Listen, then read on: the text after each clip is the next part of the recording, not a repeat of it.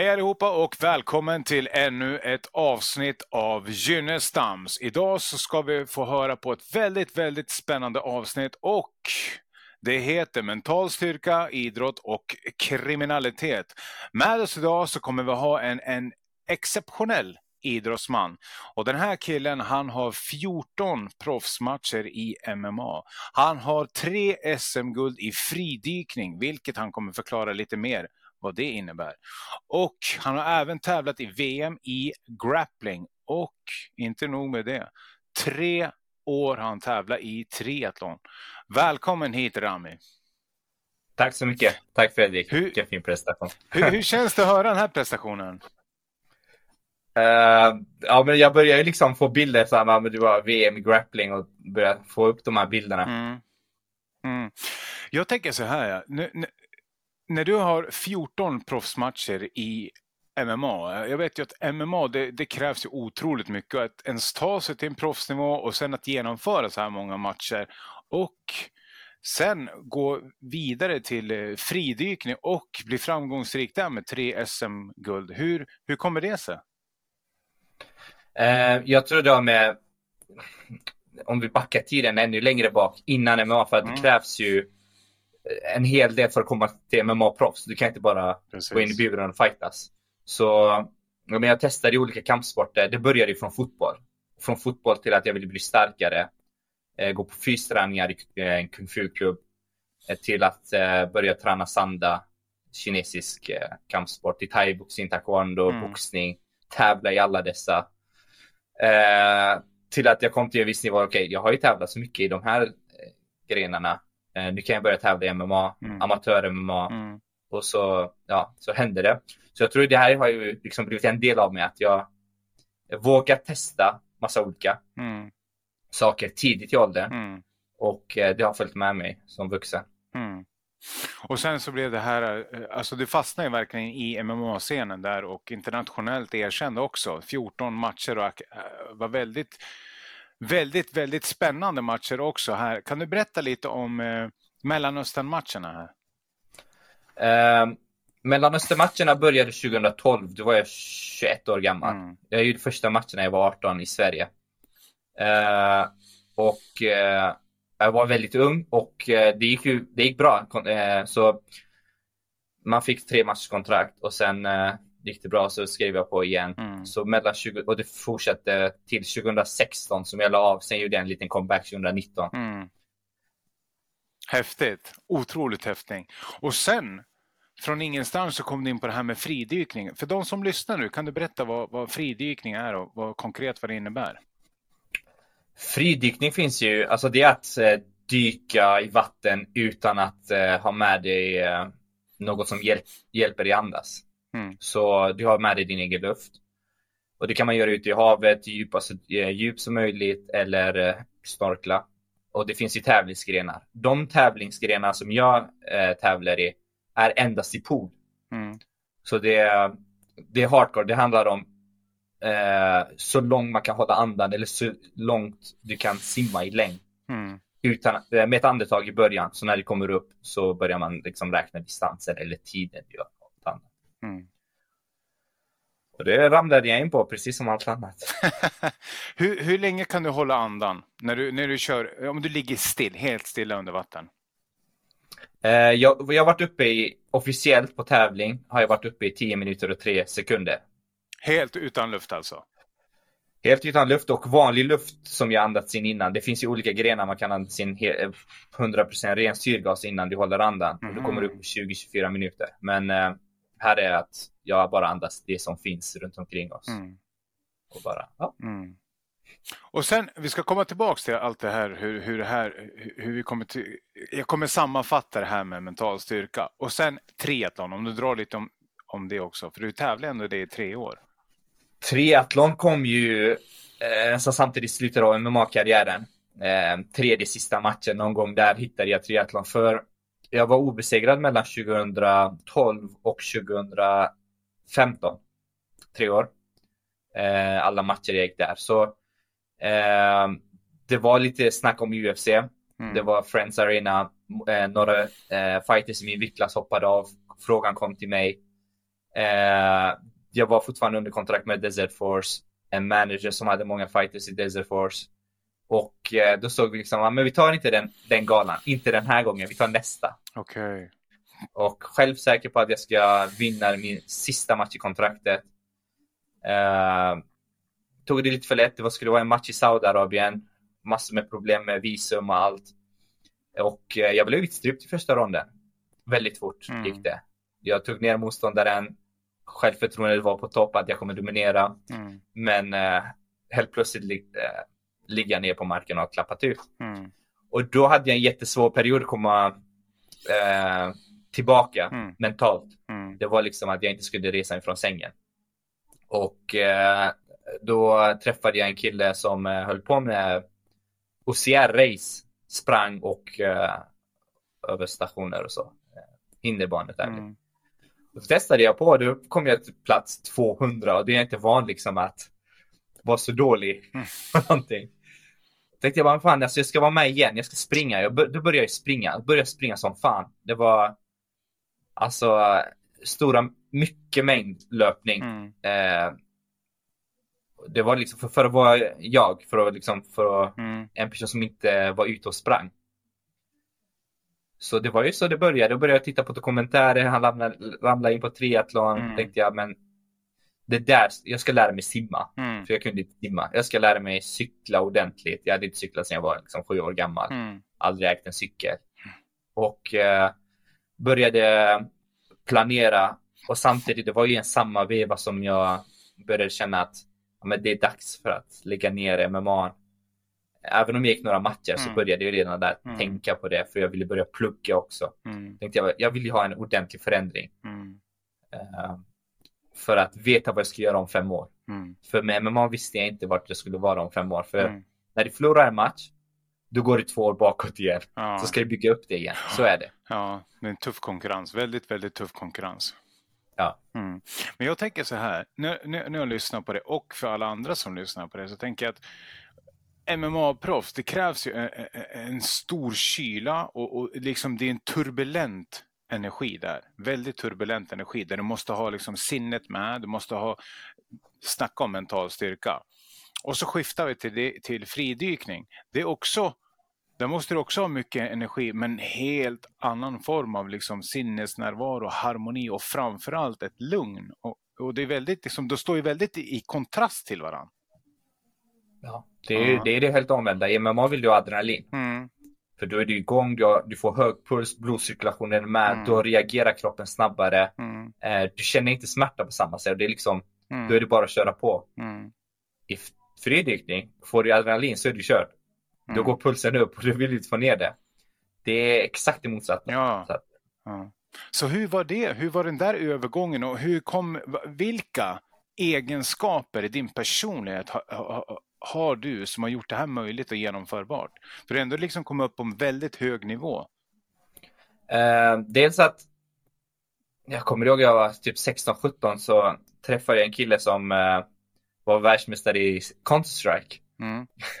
och hade, spelade poker mm. eh, online med fem andra och var väldigt duktig på det. Och han, han sa en sak att han visste hur man blev bra på mm. någonting. Bara mm. man la eh, eh, mycket tid på det så blev han bra. För han hade liksom skiftat, skiftat från Counter-Strike till att spela poker till att eh, massa annat. Mm. Då fick jag det här bara, alltså jag är också lite sån. Det kommer ju, men jag hörde någon annan och så började jag mm. få in den här bilden att eh, jag har en gång lyckats med någonting mm. så kan jag bara ta det till andra. Sen finns det ju massa andra parametrar med mm. fysisk kapacitet, ålder och så vidare. Mm. Men du kan ta det till en viss nivå oavsett hur gammal du är eller hur, sent du började med sporten. Mm. Och bara den här nyfikenheten, kan jag göra det? Mm. Det okay. gjorde det. Mm. Så nyfikenhet alltså. Nyfikenhet är en stor nyckelegenskap. Ja, testa mina gränser. Liksom. Mm. Kan, kan jag? Mm. Jag kan ju titta på tv och liksom, ja men vad bra han kan. Mm. Men kan jag? Mm. Kan jag göra det på mm. riktigt? Att jag går ut nu mm. och börjar springa. Jag faktiskt gör det direkt utan att jag börjar drömma om det i natt. Jag börjar med det nu. Hur ser det ut imorgon? Övermorgon?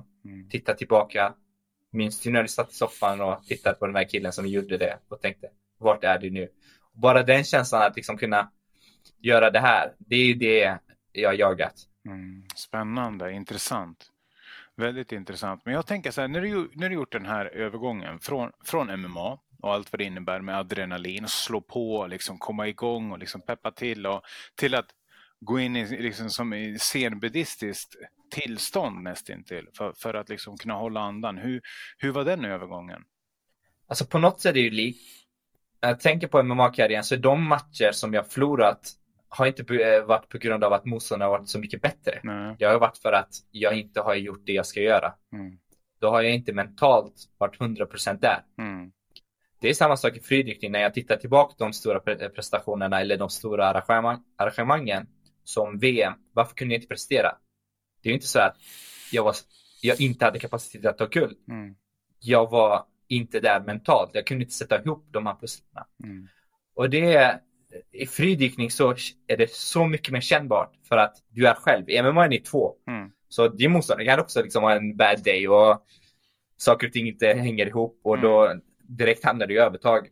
För matchningarna ska vara så jämna som möjligt. Mm. Men i fridykning så är du lite körd. Så är du körd för du har inte en annan som nej. också kan ha en dålig dag. Nej, nej. Och då, alltså, då vill man ju göra det igen och igen och igen. Mm. Lite mer än MMA. För mm. du har inte samma rädsla heller som i MMA. Okay. Alltså, du förstår själv när du har gått match. Ja. Det är ju, mm. Ibland undrar man verkligen så här, oj, oj, oj. ja, ja, såklart. Givetvis, givetvis. Men eh, jag, jag tänker så här, om du skulle sammanfatta en mental egenskap som, som, som gör det möjligt mot två motsatser, vilka, vilka egenskap skulle det vara då? En egenskap som gör det möjligt mot två olika motsatser. Mm. Jag tror det är han. Jag skulle inte säga hantera adrenalinet, inte optimalt, alltså, annars hade jag varit världsmästare i båda sporterna. Mm. Eh, men det är fortfarande en egenskap. Kanske inte bäst av alla, mm inte bäst, mm. bästa fridykaren som kan hantera det och inte bästa MMA-fightern som kan hantera det. Men i båda sporterna ska jag säga det, är fortfarande, det är fortfarande den bästa egenskapen jag har, att jag hanterar adrenalinet. Mm.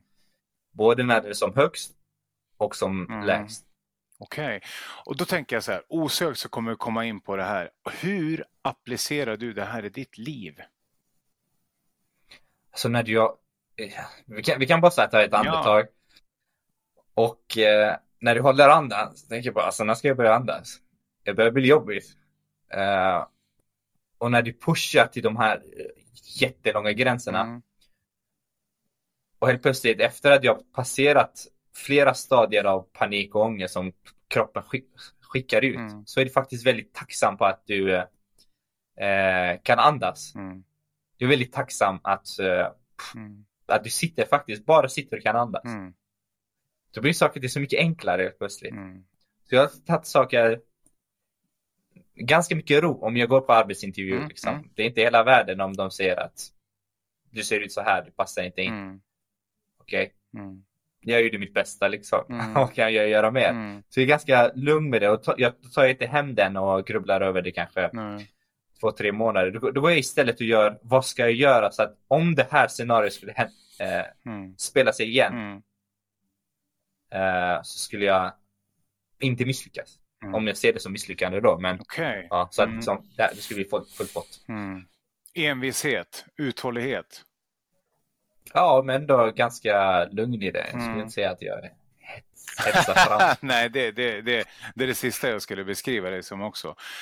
Känner du, upplever du i, i vardagen, när du höll på med MMA, kontra när du fick in fridykningen i livet, kände du att din vardag förändrades på något sätt? Alltså att du blev starkare mentalt, att du fick en annan sinnesro?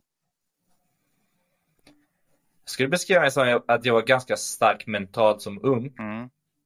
Jag har ju gått ändå igenom perioder där vi kom som eh, flykting till Sverige, mm. eh, levde under eh, lång tid innan man fick uppehållstillstånd och allt det här. Och sen började helt plötsligt när man fick uppehållstillstånd bara han hamnat in i proffscen. Mm. Eh, tävla i det som den yngsta. Mm. Eh, få mycket uppmärksamhet och kunna hantera det också. Mm.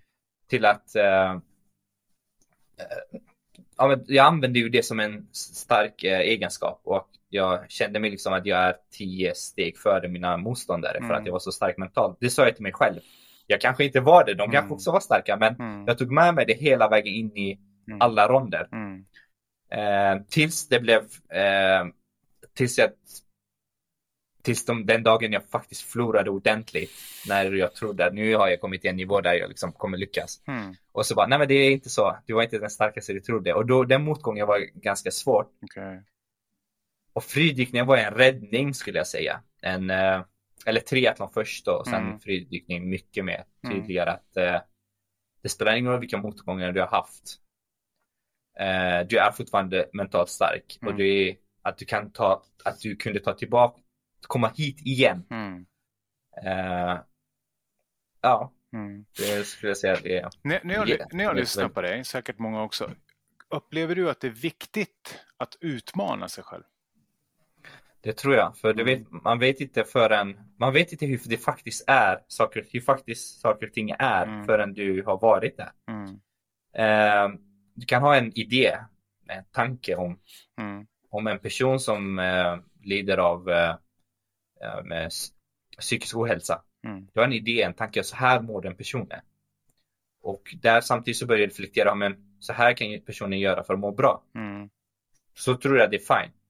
Tills du faktiskt är, har upplevt det själv. Det är samma sak med tävling. Mm. Du tror att det är, bara, det är väl bara att hålla andan. Många som bara tränar och inte tävlar. Mm. Men det är bara att gå in och bara vänster och höger, uppercut, ja. du snyggt motståndare. bara den här promenaden från eh, arenan mm. till uh, ingången med musiken, allt det här. Bara uppleva det. Mm. Bara det är helt sjuk känsla. Sen står du framför domaren som säger till dig, ja men det här är inte tillåtet, det där är tillåtet.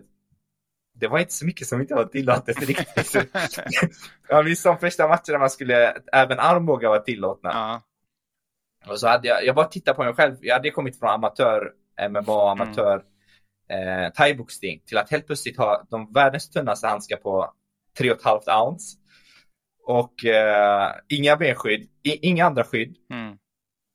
Och bara domaren säger, eh, för de första matcherna var inga armbågar tillåtna. Ja, inga armbågar tillåtna, bara allt är tillåtet. Ja. Mm. Mm. Jag, tänk, jag, tänker så här, det finns ju väldigt många Alltså mitt, mitt mål här det är att utforska liksom de här mentala styrkorna hos dig här nu. Vi har ju hört nyfikenhet, utmana sig själv, att göra om, eh, skifta fokus också.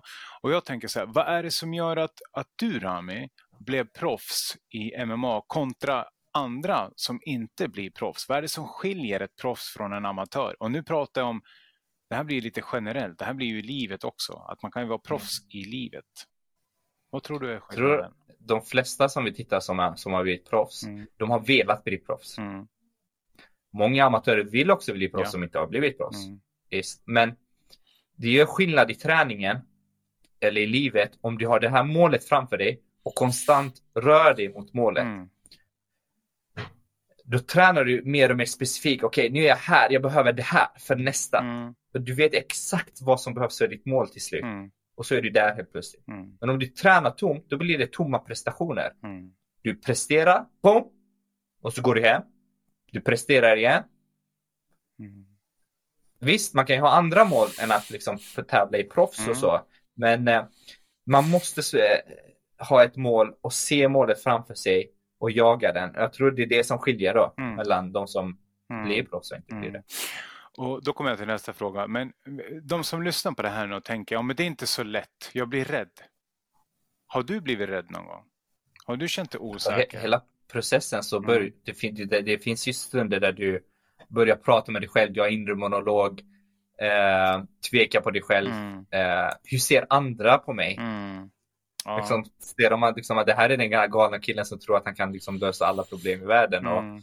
så, eller, eh, och ibland man har ju den här konstant inre monologen och man behöver ju stänga av. Eh, nu glömde jag bort vad din fråga var för jag, jag bara svävar iväg. Ja, men det är, kör, fortsätt, fortsätt. Inre monolog, fortsätt där. Så jag har ju liksom konstant det och eh, jag tänker att jag tänker ofta på att tillbaka till första målet. Vad var anledningen att jag började? Mm. eh, samtidigt som eh, jag minns en av matcherna som jag vände och vann andra och tredje ronden när liksom första ronden gick riktigt åt helvete. Mm. Så, så sa Båtan var med mig, en kille som var med på många matcher mm. utomlands också.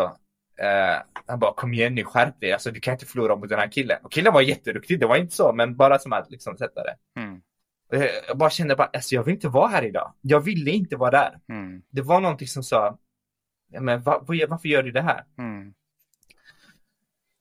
Så, så bara, det kom så här, jag vet inte om det var coachen eller någon, en annan coach bakom som sa på svenskan, eh, det är bara att gå in och ha kul. Så tänkte jag, så bara fick jag en bild av den första dagen varför jag började MMA, för att det var så kul att hålla på med det här. Mm. Bara liksom testa mm. allt jag har lärt mig på träning och göra det. Mm. Då vänder det. Så mm. det här mentala, det kan vara, saker och ting kan ändras på en sekund. Mm. Du, du, tror att du kan saker och ting helt och hållet när du går en sån, sån här match.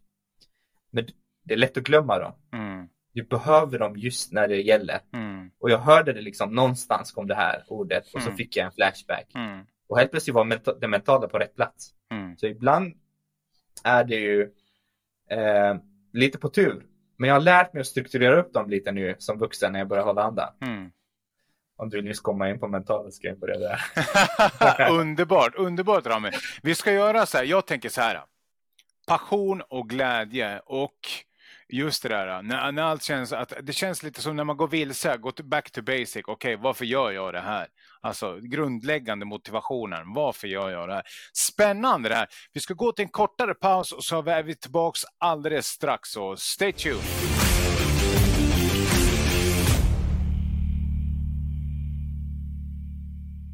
Okej, Gynnestams, vi är tillbaks här med Rami och del två ska vi prata om kriminalitet. Om man tittar på Ramis uppväxt bakgrund här.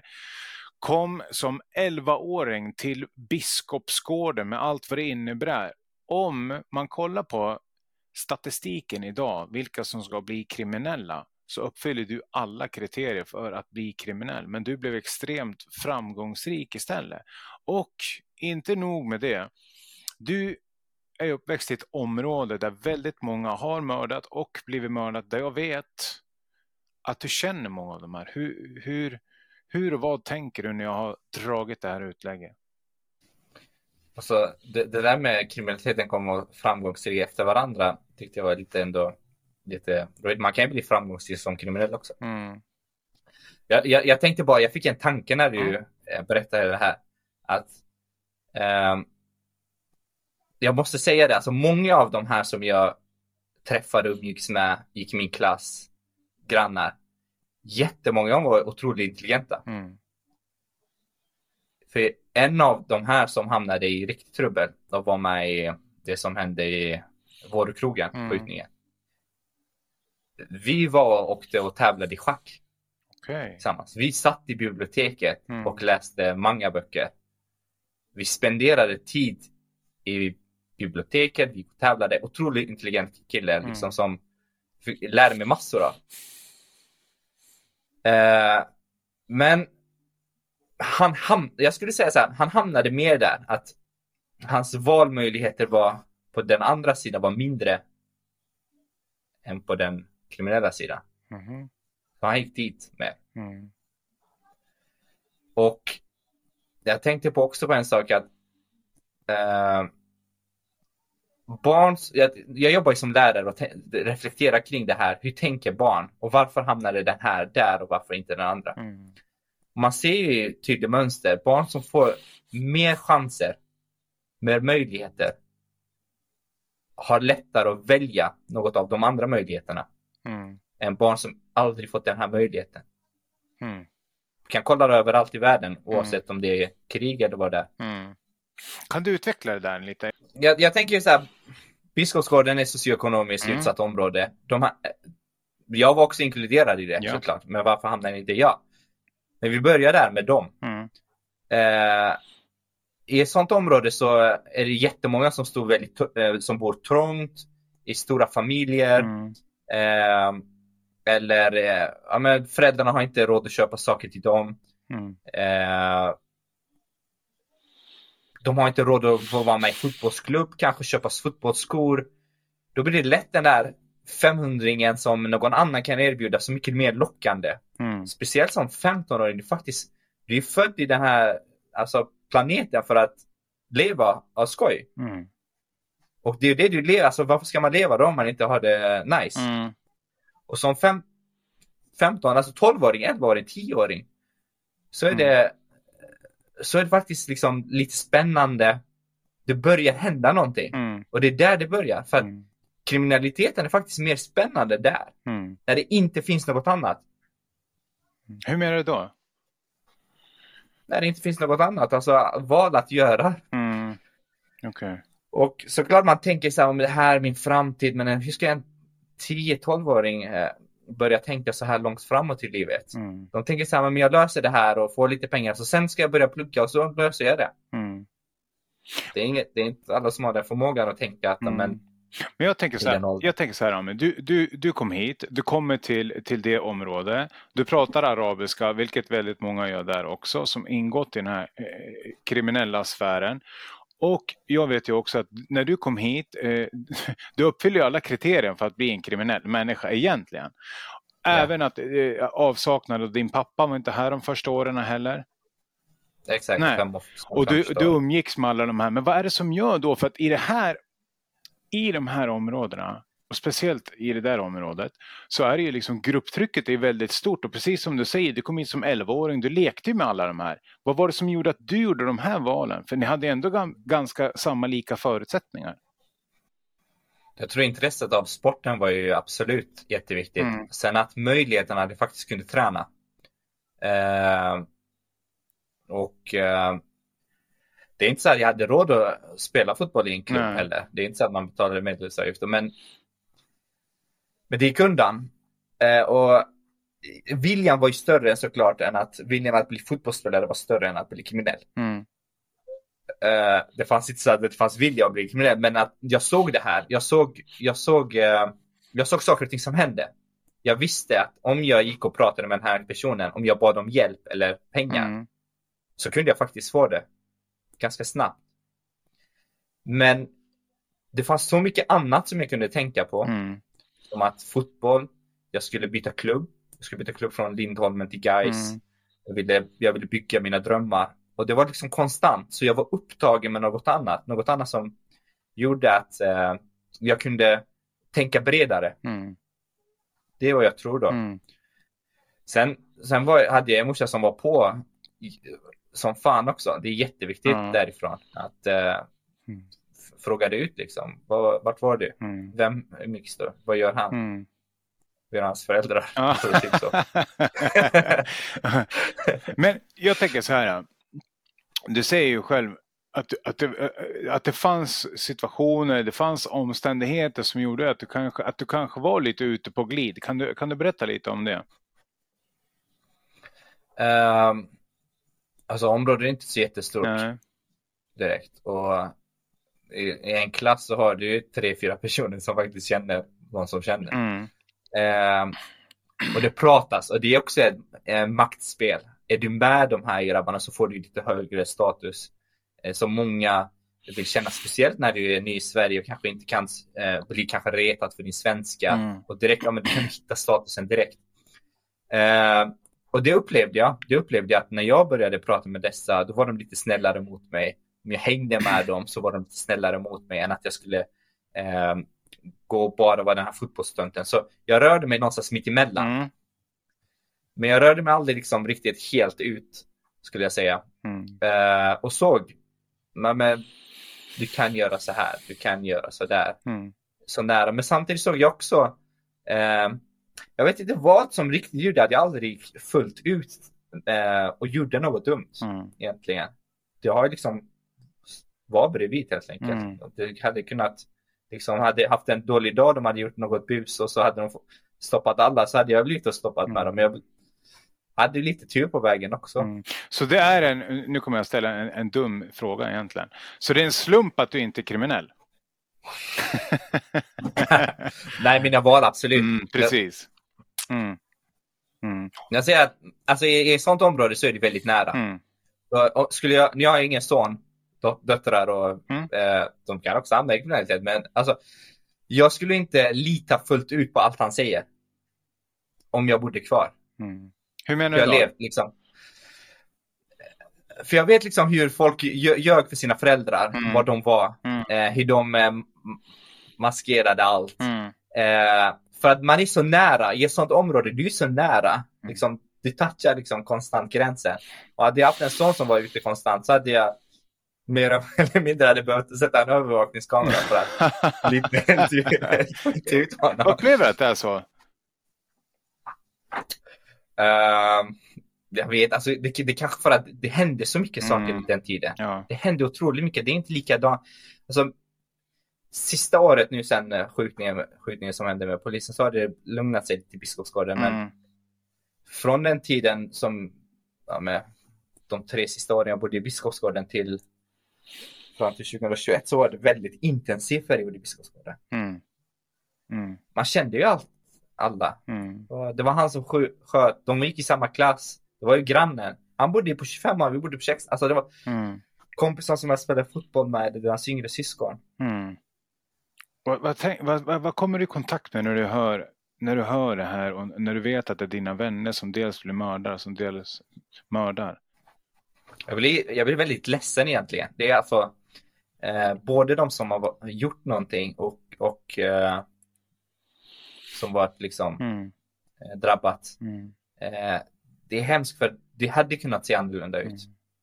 Vi hade kunnat fortsätta hänga i den här bibblan och läsa våra böcker och mm. spela fotboll. Mm. Men eh, det är, det, många levde ju tufft. Det var tufft. De kom och visade att de hade fått 200 kronor i veckopeng. De bara, men det där kommer jag få om ett år. Ja. Lite så. Ja. Jag, jag, tänker så här, när det blir sådana här stora konflikter som det har blivit i Biskopsgården. Du känner många här och, och, och, jag vet ju liksom hur processen funkar. Att man försöker dra in varandra, man försöker liksom bygga upp liksom som en liten armé. Kände du att du ställdes inför sådana val? Kände du att det fanns någon social press? Jag tror inte det hade eskalerat så där. Eh, det kom just efter när vi flyttade därifrån. Mm. För jag hörde att det hade blivit så mycket värre. Mm. Du nästan blev tvungen in istället för att du kunde liksom äh, hänga i gråzonen där mm. och ändå inte hända någonting mm. för du, om du, du hade själv val. Men ibland så, äh, nu för tiden så kan man ju bli utpressad. Mm. mm. Det, det, hände inte riktigt då när mm. jag bodde där. Men när du flyttar från Biskopsgården, när du känner många av de här äh, grabbarna, liksom, hur, hur utvecklades, förändrades relationerna till dem efteråt? Uh, det, relationerna mer eller mindre avbröts mest med de som... Alltså relationen var kvar bara med de som spelade fotboll. Ja, okej. Okay. Mm. Så var det. De försvann ju. Alltså de, var, de kunde inte visa sig ute längre. Nej. Så du, du visste inte vart de bodde. De hade inga sociala medier. De hette liksom A och B. Mm. Hassan efternamn. Ja, okej. Okay. Alltså, mm. det, det, blev så Facebook-grejen. Mm. Du kunde inte bara liksom söka på deras namn och efternamn för att hitta dem på sociala medier. Så mm. de kontakterna försvann. Mm. Okej. Okay. Hur tror du det hade sett ut för dig om du hade bott kvar? Jag tror att saker och ting hade inte ändrats mycket ändå. Mm. För vi började bli äldre och eh, valen var mer bestämda än tveksamma. Speciellt när vi fick uppehållstillstånd. Då var det liksom att hela världen öppnade sig. Alla möjligheter öppnade sig. Mm. Och det var bara köra på. Mm. Nu ska jag hålla på med kampsport och fotboll och allt det där. Jag ska mm. bli det och det och det och det. Och, det. Mm. och då såg jag vägarna mer tydligare. Men hade kanske, det hade kanske absolut varit mycket svårare om, eh, om jag hade skadat mig och inte kunde spela fotboll. Mm. För jag letar ju spänning. Mm jag hade hittat spänningen kanske annanstans. Jag säger inte att jag att det är så, men det mm. kanske hade blivit så. Mm. så. Så geografin är, är en avgörande faktor många gånger? Kan du uppleva det så? Geografin, intressen, mm. vad du kan göra, alltså, mm. eh, vad du kan göra och inte kan göra. Mm. Eh, och sen såklart eh, umgänge, vilka du umgås med. Mm. Eh, du, kan vara, du kan fortfarande röra dig med de här busiga, men du har mer fotbollskompisar som faktiskt kommer att höra av sig och knacka på dörren. Mm. Än att du har kompisar som du spelar fotboll med, men de kommer inte till dig och hör, hör av sig. Mm. Eh, det är de andra som hör av sig. Mm. Okej. Okay. Jag, jag, tänker så här, om, du hade, om vi leker med tanken nu, nu ska vi dra iväg lite. Vad skulle du säga till en Rame som lever kvar i orten som inte har de här möjligheterna att kunna flytta därifrån, som har, har och had, har samma drömmar som, som du hade? Ja, flytta därifrån det är ingenting jag hade sagt. Jag tänker så här, alltså, oavsett vart man är så ska det liksom kunna göra det bästa av allt. Mm. Men eh, fortsätt följa dina drömmar. Jag ska inte ändra och säga något, att mm. gör inte det här. Mm. Men om vi säger så här då. Jag, jag, jag, ska konkretisera det bättre. Jag var lite luddig där. Ja. vi säger så här. Du Rame kunde inte, du flyttar inte med din familj från Biskopsgården utan du lever kvar, du rör dig i en gråzon, våldet trappas upp och du rycks in mer och mer, skjutningarna ökar, folk dör. Och folk säger, lyssna, du lär med oss nu. Jag har funderat på det så djupt att jag faktiskt skriver en kriminalroman om det. Ja, där kommer vi in på det. Lever, där kommer vi in på det. Att jag faktiskt lever kvar. Ja. Och den här goda killen i den här, den här karaktären då i kriminalromanen. Eh, det är en kille som eh, typ världens bästa kille i området. Typ. Mm. Men han, det vänder till att han blir eh, värsta maffiabossen. Mm. För att sakta men säkert saker och ting leder dit. Saker med hans flickvän. Mm. Eh, liksom ofrivilliga val. För han hade sina val, mm. han gör fortfarande sina val, mm. jobbar som lärare, ja. jobbar på skola, allt det där. Mm. Men, och från den här liksom alla, alla litar på honom till att han faktiskt blir jag, Så här djupt har jag tänkt på att så, så här kan det också gå. Mm. Eh, såklart mycket svårare om man är en person som reflekterar och ser konstant konsekvenser. Mm. Jag har ändå svårt att se mig själv, just jag, mm. i, i en sån sammanhang. Men det skulle kunna vara. Ja, jag vet. Och vad, vad, vad, vad skulle du ge för råd eller, eller vägledning till dem? För det finns ju många liknande personer som dig ute i förorterna idag eller på andra platser liksom, som inte har möjligheten att flytta. Vad skulle du ge dem för råd när de ställs inför sådana här situationer? Alltså typ ge allt för att göra något annat. Mm. Alltså verkligen så här bara, det finns ingenting du inte kan göra. Mm. Av det som en människa som har hälsan kan göra. Mm. Jag tänker så här, men jag håller andan i tio minuter. Mm. Det är inte många som kan göra det ens. yeah. det, är sju i världen som har gjort det. Mm. Jag är den sjunde. Så det finns ingenting du inte klarar av. Mm. Så ge inte upp så tidigt. Mm. Bara för att det är första bästa. Mm. Det går inte på en nattklubb och vara liksom första bästa. Det känns att bara börjar dejta. Mm. Det kan vara lite så också. Mm. Men eh, det kan, saker det kan ta tid. Låt det mm. ta tid. Och nu, ska, nu ska jag sticka ut hakan lite här också i den här frågan. Så det är ett individproblem, inte ett integrationsproblem, kriminaliteten? Alltså du, du ställer djupa frågor. Ja, väldigt djupa. Eh, det är mix. Alltså jag tror mm. saker och ting hänger ihop. Mm. Individ, mm. integration. Mm. Eh, du påverkas ändå ut, även om hur mycket du försöker välja. Och... Mm. Jag hoppas jag kan få med dig i den här kriminalromanen. Att 100 procent. ja. Men okej, okay. jag ska dra vidare lite nu. Då tänker jag så här. När när jag lyssnar på dig här nu så säger du att den dagen vi fick uppehållstillståndet så öppnades hela världen. Jag, hade, jag kunde göra vad som helst. Ja. Mm. Alltså det är helt sjukt mm. varje gång jag tänker på mm. det. Den dagen liksom, det var en promenad och vi skulle hämta brev för vår adress mm. var ju hos någon annan också.